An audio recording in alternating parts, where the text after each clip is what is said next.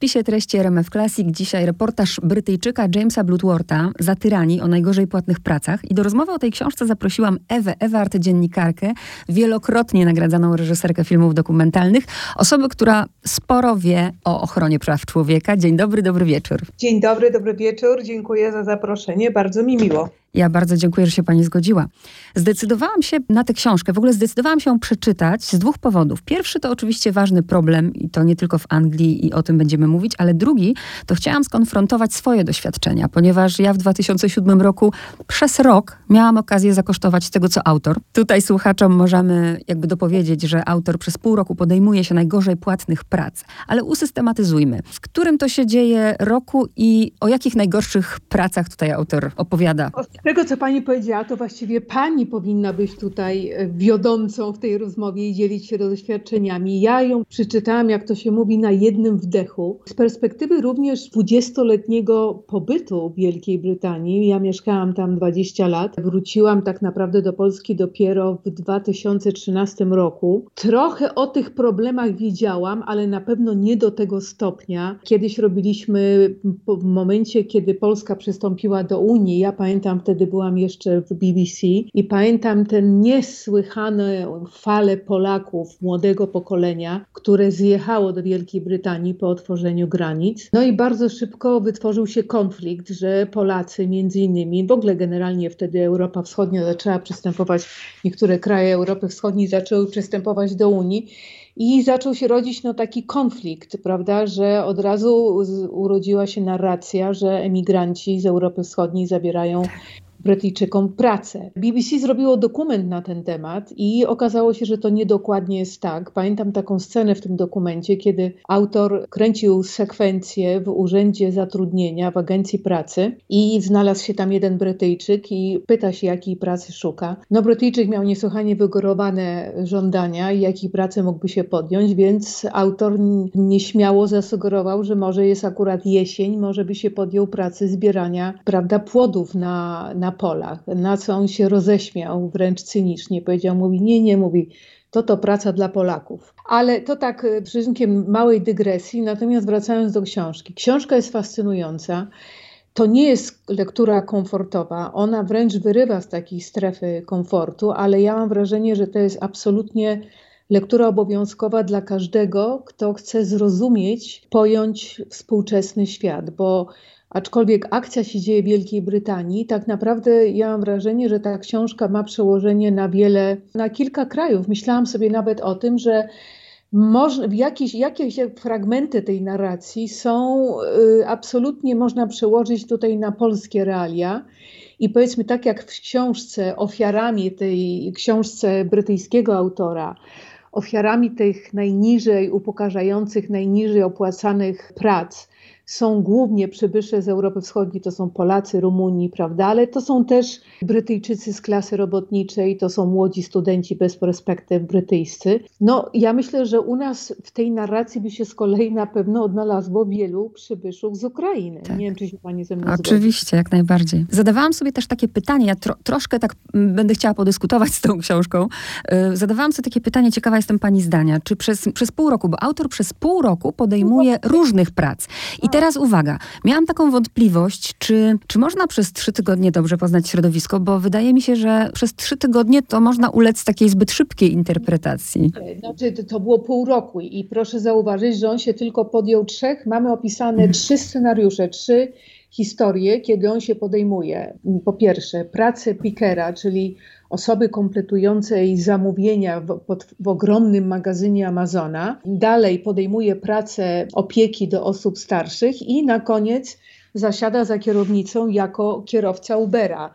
No jeżeli podzielić to na 6 miesięcy, to ja mam wrażenie, że to jest dostatecznie dużo czasu i tym bardziej, że autor sobie nakreślił dość taką no jednak sporą dyscyplinę. Po pierwsze, to był e, on, jak to się mówi, całkowicie się zanurzył w sposób potajemny. E, dopiero tylko na jakichś tam końcowych etapach ze swoimi rozmówcami, jak gdyby odkrywał karty, kim jest i prawda, jak zbiera te materiały. To nie było tylko to, że on podejmował pracę. Jak on pracował w magazynie Amazona, to on się stawał takim pikerem, prawda? Mhm. Jak jest opisane środowisko czy warunki pracy osób zatrudniających się do charakterze opieki do, do osób starszych, to on taką osobą jest. I jeżeli opisuje z kolei środowisko kierowców zatrudnianych przez Ubera, no to to jest, że tak powiem, doświadczenie z pierwszej ręki. Tu bym chciała podkreślić, że mnie ogromnie uderzyła, dzięki temu ta książka zyskuje na niesłychanej wiarygodności.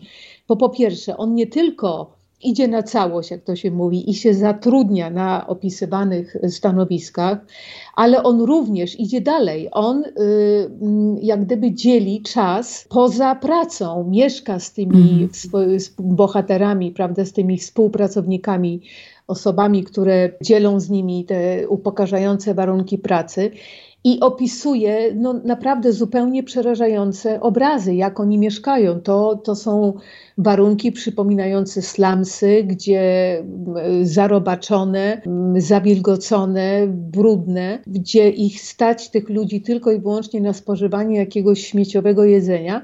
No właściwie gdyby to wyjąć na chwilę z tej narracji nazwę kraju, w którym ta książka, akcja książki się toczy, no to można byłoby powiedzieć, dobrze, y, opowiadamy historię z jakiegoś kraju na antypoda. Nie, to jest zamożna Wielka Brytania, jedna z najbogatszych prawda, gospodarek y, na świecie. Ale ta zamożność Wielkiej Brytanii między innymi zostaje budowana na kosztem takich ludzi, który, którzy są niczym innym, tylko współczesną klasą y, niewolników. To jest oni wykonują absolutnie pracę niewolniczą. Ja zresztą mnie najbardziej osobiście poruszył chyba ten wątek i historia, opisana historia, kiedy autor pracuje i opisuje warunki pracy w magazynach, magazynach Amazona. No tam wręcz powiało, powiedziałabym, taką narracją no, żywcem wziętą z Orwella. Tam są, powiedziałabym, w ogóle elementy scenariusza żywcem wzięte z byłego Związku Radzieckiego. No to jest, to są opisane historie, jak y, socrealizm gładko przekształcił się prawda, w korporację. Między innymi autor opisuje, jak, jak pracownicy, ludzie pracują naprawdę w upokarzających warunkach, zdani na kaprysy i humory swoich e, przełożonych. Wokół nich są rozwieszone zdjęcia z uśmiechniętymi, wypolerowanymi twarzami pracowników Amazona i podpisane jest to w ten sposób, że Uwielbiamy tu pracować i tęsknimy, kiedy nas tu nie ma. Po czym szef nie wyrzuca, tylko szef pozwala odejść, a generalnie szef nie jest szefem, tylko twoim wspólnikiem, tak jak Jeff Bezos. Dziś prawdopodobnie drugi czy już pierwszy najbogatszy człowiek na świecie. No, jest to taka próbka korporacyjnej propagandy, no ale taki powiedziałabym żywcem przeniesionej właśnie z epoki socrealizmu. I zresztą myślę, że osoby, które przeczytają te fragmenty właśnie dotyczące pracy w magazynach Amazona, być może dwa razy się zastanowią, zanim złożą jakieś kolejne zamówienie na y, stronie y, Amazona. Y, to jest jeden, to jest jeden z najbardziej poruszających fragmentów w moim pojęciu tej książki. No z wieloma rzeczami się zgadzam. Wiadomo, też nie widziałam umowy o pracę i też traktowanie, to, to poczucie, że jest się gorszym jak najbardziej, ale nie doświadczyłam na przykład e, skanowania, zostawiania rzeczy osobistych, telefonu komórkowego, punktów, takich rzeczy. Ale też teraz taki problem stawiam. Mianowicie tam były te tygodniówki tak zwane, czyli pieniądze dostało się z tygodnia na tydzień. I biorąc pod uwagę, że w Polsce jako osoba wykształcona miałam całkiem niezły zawód, bo ja pojechałam tego spróbować, to w Polsce za swoją ówczesną pensję ja nie byłam w stanie odłożyć żadnych pieniędzy, tylko żyć właśnie z miesiąca na miesiąc. Kiedy wyjechałam tam i tydzień pracowałam na mieszkanie, tydzień na jedzenie, z dwóch tygodni zostawały mi pieniądze. Ja pamiętam, że ja po prostu wróciłam do Polski i mogłam sobie kupić samochód to, to pokazuje, że ta rzeczywistość w Polsce. No wiecie, to jest taka, te trzy opisane historie i w ogóle y, one się dzieją y, w, w takim szerszym kontekście, zadziały się w szerszym kontekście przemian i transformacji, jaką Wielka Brytania przeszła na przestrzeni ostatnich y, czterech dekad. Te podziały, ja zresztą sama to zauważałam ja mieszkałam tam w sumie 20 lat. No, moja sytuacja była absolutnie, prawda, w ogóle w zestawieniu z tym, co opisuje autor w książce, to w ogóle nie ma co porównywać. Ja miałam sytuację no wręcz mega komfortową. Byłam pełnoprawnym pracownikiem zatrudniona przez BBC ze wszystkimi przywilejami, z możliwością, prawda, wypracowania sobie tak zwanej emerytury i tak dalej, i tak dalej. Wydaje mi się, że pani też była o przynajmniej dwa oczka wyżej. Jeżeli się pani udało odłożyć pieniądze z dwóch tygodni pracy w ciągu hmm. miesiąca, to na pewno nie było to, w moim pojęciu, z tego co zrozumiałam z tej książki, nie było to przywilejem żadnego z bohaterów opisanych tutaj przez e, brytyjskiego autora. Oczywiście, być może on opisał jakieś ekstremum, mm -hmm. ale wydaje mi się, że dobrze, że takie ekstremum opisał, bo wydaje mi się, że obok tej narracji sukcesu, jaką głównie znajdujemy w przekazach medialnych czy nawet książkowych Wielkiej Brytanii. Jest kładziony nacisk, prawda, jak się na Wyspach szybko uporali z tym kryzysem po 2008 e, roku. To jest, prawda, ta narracja, no, wręcz użyję takiego słowa, propaganda sukcesu, ale pod tym kryje się ta bardzo wstydliwa narracja, której nie chcą wyciągać. I on brutalnie w tej książce tą narrację wyeksponował bez retuszu, w bardzo dosadny sposób, bo jego pomysł realizatorski, właśnie takiego potajemnego, absolutnego zanurzenia się w świecie tych współczesnych niewolników, narzuciło mu też szczególny sposób narracji. To jest narracja bez retuszu, bardzo dosadna. Zresztą w moim pojęciu ta książka została bardzo dobrze przetłumaczona. Ona oddaje bardzo dobrze klimat i no mogę to powiedzieć na, po prostu mając porównanie i doświadczenie 20 lat mieszkania na wyspach. Więc y, to, to jest coś, o czym się zapomina, no, że to są te całe rzesze, całe armie tych ludzi, dla których praca jak na przykład dla mnie była czymś niesłychanie satysfakcjonującym, czymś, co mi określało, była jakimś punktem odniesienia. No, dla tych ludzi to jest absolutna zmora, to jest coś, co ich dehumanizuje, odczłowiecza. No ja w ogóle nie wiem, czy ci ludzie w ogóle słyszeli, a nawet jak słyszeli, czy by się w ogóle na przykład odważyli o podniesienie kwestii prawda, praw, związki zawodowe, czy w ogóle ubieganie się o swoje prawa w związkach zawodowych, no, są generalnie szczęśliwi, jeżeli coś im się uda złapać, prawda? I mm, zresztą są przypadki, no i ogromnych rozczarowań, że, że po prostu pękają, nie wytrzymują na tych stanowiskach. Tam jest opisana historia kogoś z Rumunii, gdzie tak, tak. W przełożeniu na te, na te zarobki to właściwie była kwestia dosłownie tam chyba różnicy 100 funtów tygodniowym czy miesięcznym, że tak naprawdę to w stosunku do wydatków, bo y, oczywiście na pewno życie w Rumunii jest znacznie tańsze niż, niż w Wielkiej Brytanii, niż na wyspach. Więc e, ciekawe też, że ta książka została, ukazała się jeszcze przed pandemią i mnie przyszła jeszcze, nasunęła się taka refleksja. Te procesy, które w tej książce zostały opisane, tendencje, one się niestety będą tylko pogłębiać. Pandemia na pewno zaostrzyła, e, że ten, ten e, no nagle ze względu na to, że cała masa Brytyjczyków prawda, utraciła pracę. No, z drugiej strony można powiedzieć, że Brytyjczycy już są poza Unią i na pewno będzie trudniej znacznie wyemigrować do Wielkiej Brytanii, czy generalnie w ogóle pozyskać jakąkolwiek pracę na, na rynku tamtejszym, mając na uwadze prawda, te no, no, nowe realia, to, że Wielka Brytania już nie jest w Unii. Zresztą premier Wielkiej Brytanii, Boris Johnson, wręcz jeśli to jest prawda, no bo z tymi mediami to trzeba naprawdę uważać w dobie fake newsów, ale ponoć rząd Wielkiej Brytanii oferuje pieniądze i opłacenie biletu dla obywateli Unii, żeby opuścili wyspy. Mhm. No, czyli jest to jakieś, prawda, wyprzedzenie, e, zdaję sobie sprawę, prawda, że nadchodzi fala bezrobocia, że te miejsca pracy w tym chaosie popandemicznym, no, niesłychanie się skurczą i konkurencja będzie ogromna wśród nawet, prawda, wśród samych Brytyjczyków. O tym też myślałam, że właśnie jak pięć lat potrafi wiele, wiele zmienić, nawet bym nie przypuszczała. Jak przeczytałam tę książkę, to poczułam się oczywiście przygnębiona. Ja wiem, że autor, on w epilogu nawet tłumaczy, że nie napisał tej książki po to, żeby dawać jakieś rady, rozwiązania, tylko właśnie, żeby pokazać tę przepaść.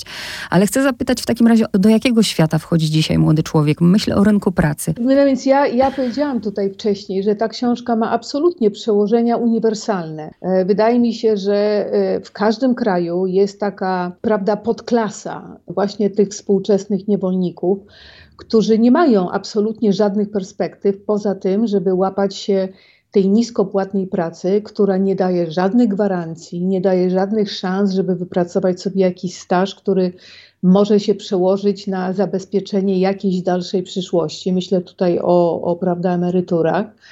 E, zresztą ja mam wrażenie, że jak dzisiejsze pokolenie młodych, zupełnie młodych, e, prawda, do, doczeka wieku emerytalnego, ja podejrzewam, że w ogóle czegoś takiego jak emerytury już żadne, niewiele chyba państw będzie stać na świecie, żeby takie e, socjalne świadczenia mm, wypłacać ludziom. No, to jest, y, można powiedzieć, taki świat sobie zbudowaliśmy. To jest obraz globalnej wioski, prawda, y, naszej wspólnej wioski, która zostawiła, została całkowicie przetransformowana i przekształcona przez procesy globalizacji.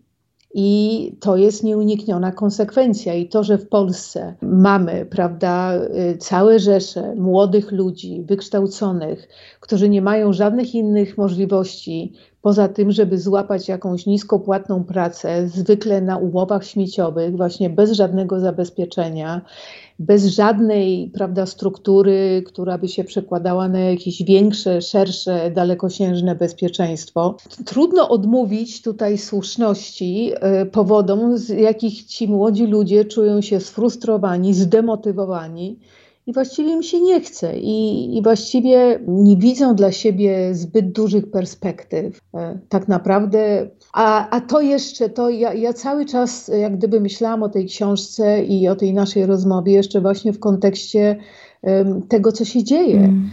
No, mamy w tej chwili pandemię, kryzys, ale mi się wydaje, że przed nami e, za chwilę my staniemy wobec znacznie gorszych pandemii. To będzie pandemia tego, co się stanie prawda, z gospodarką po tym lockdownie. A co mnie jeszcze osobiście bardziej przeraża, i to właśnie myślę, że bardzo będzie dotyczyło młodego pokolenia, to przede wszystkim pandemia jakichś psychos i pro, ogromnych problemów psychologicznych. w grupach społecznych. To są przede wszystkim młodzi, to są ci wszyscy uczniowie, prawda, którzy uczą się w tych warunkach zdalnych, które są dla nich pozostawieni kompletnie sobie, bo z kolei y, rodzina, no rodzice są zajęci, prawda, walką o przetrwanie.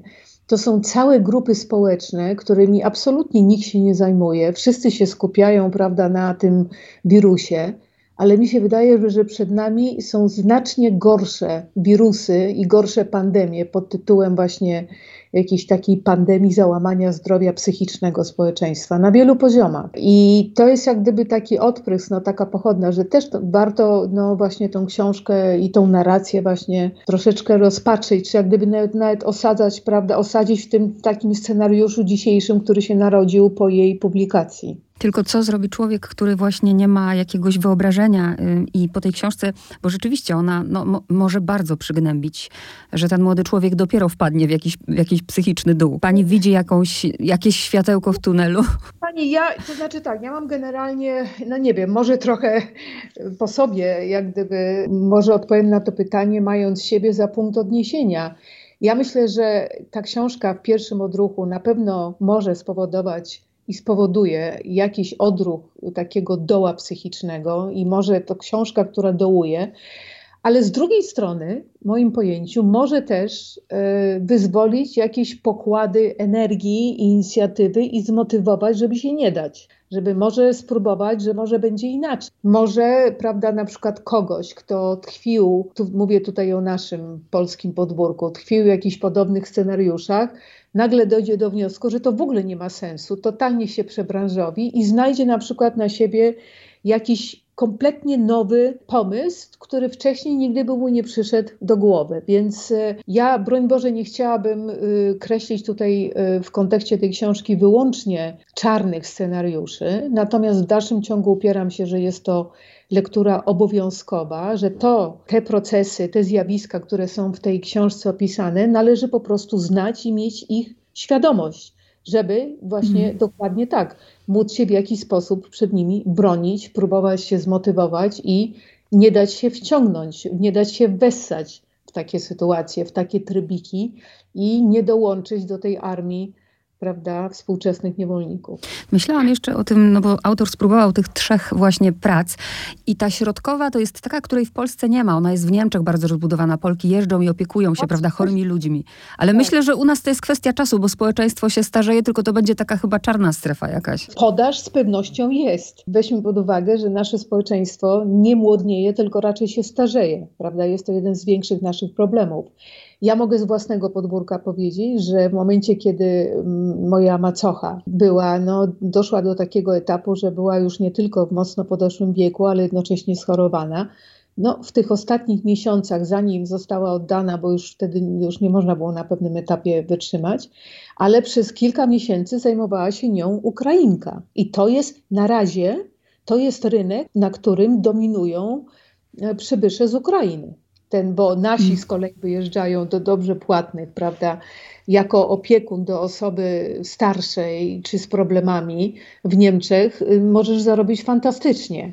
Z kolei stawki, jakie tutaj otrzymują Ukrainki za taką pracę w porównaniu z tym, co by dostała na Ukrainie, no to są też konkurencyjne. Więc na razie ten rynek został zagospodarowany, z tego co wiem, i mogę powiedzieć na bazie własnego doświadczenia, właśnie przez przybyszów z zagranicy na wschodzie. I na koniec jeszcze jeden wątek, taki bardzo interesujący. Zresztą autor to mówi, że on sam jakby pochodzi z robotniczej rodziny i jako jeden też wyszedł, wykształcił się, ale myślę, tu wchodzimy w to pojęcie merytokracji. Ja zawsze marzyłam też o tym, żeby tak było jak w Stanach, że reprezentujesz sobą to, co umiesz, to, co, jakie masz kompetencje, a w Polsce, czy się mylę, czy nie, ale wydaje mi się, że jeszcze naprawdę pokutuje to, co było wiele lat temu, że ciężko się wy, wybić komuś z robotniczej rodziny, żeby znaleźć, nie wiem, pracę, mm, nawet jak skończy studia prawnicze. Mam wiele koleżanek, które skończyły prawo, ale niestety, no, wciąż jednak te znajomości w tej Polsce są istotne. No, myślę, że pani ma większe rozeznanie.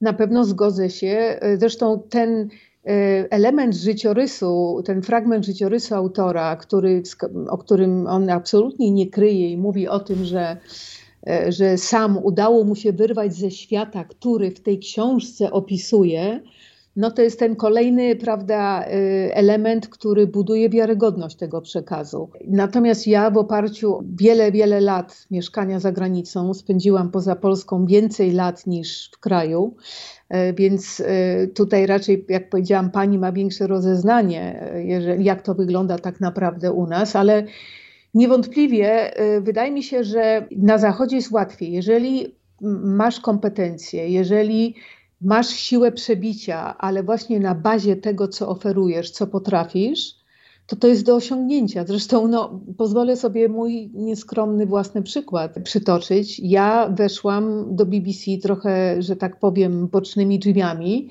Miałam do zaoferowania określone CV, y, miałam prawda, określone kompetencje i umiejętności i na bazie tego zostałam zatrudniona na okres próbny. To był ten etap, kiedy ja musiałam się wykazać, nie żadne znajomości, nie żadne punkty za pochodzenie, żadne ułatwienia. Nie, ja musiałam własną pracą udowodnić, że zasługuje na coś więcej w tej firmie niż tylko i wyłącznie na roczny okres próbny. I udało się na szczęście, prawda, ogromna praca i, i wiele wyrzeczeń, ale było warto.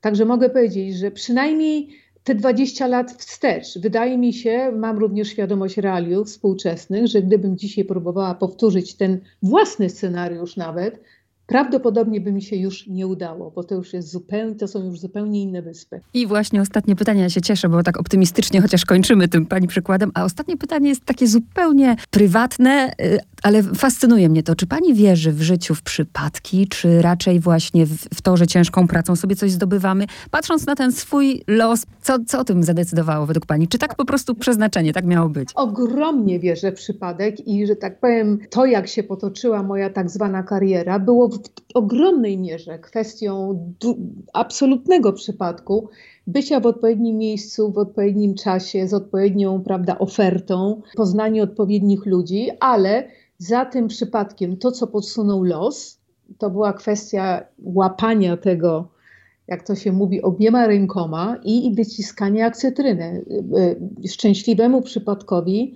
towarzyszyła ogromna, ciężka praca. Więc wydaje mi się, że to jest jakieś połączenie. Ja bardzo wierzę w przypadek, ale absolutnie nie tylko i wyłącznie. Nie wydaje mi się, żeby cokolwiek osiągnąć, no, nie, da, nie da się pójść na skróty. Ta ciężka praca musi być wykonana. Ja teraz na koniec życzę naszym słuchaczom, wszystkim, którzy będą nas słuchać i mają właśnie trudno teraz i ciężką pracę, żeby z tej cytryny, którą mają, zrobili lemoniadę. I trzymamy za to kciuki. Bardzo Pani dziękuję.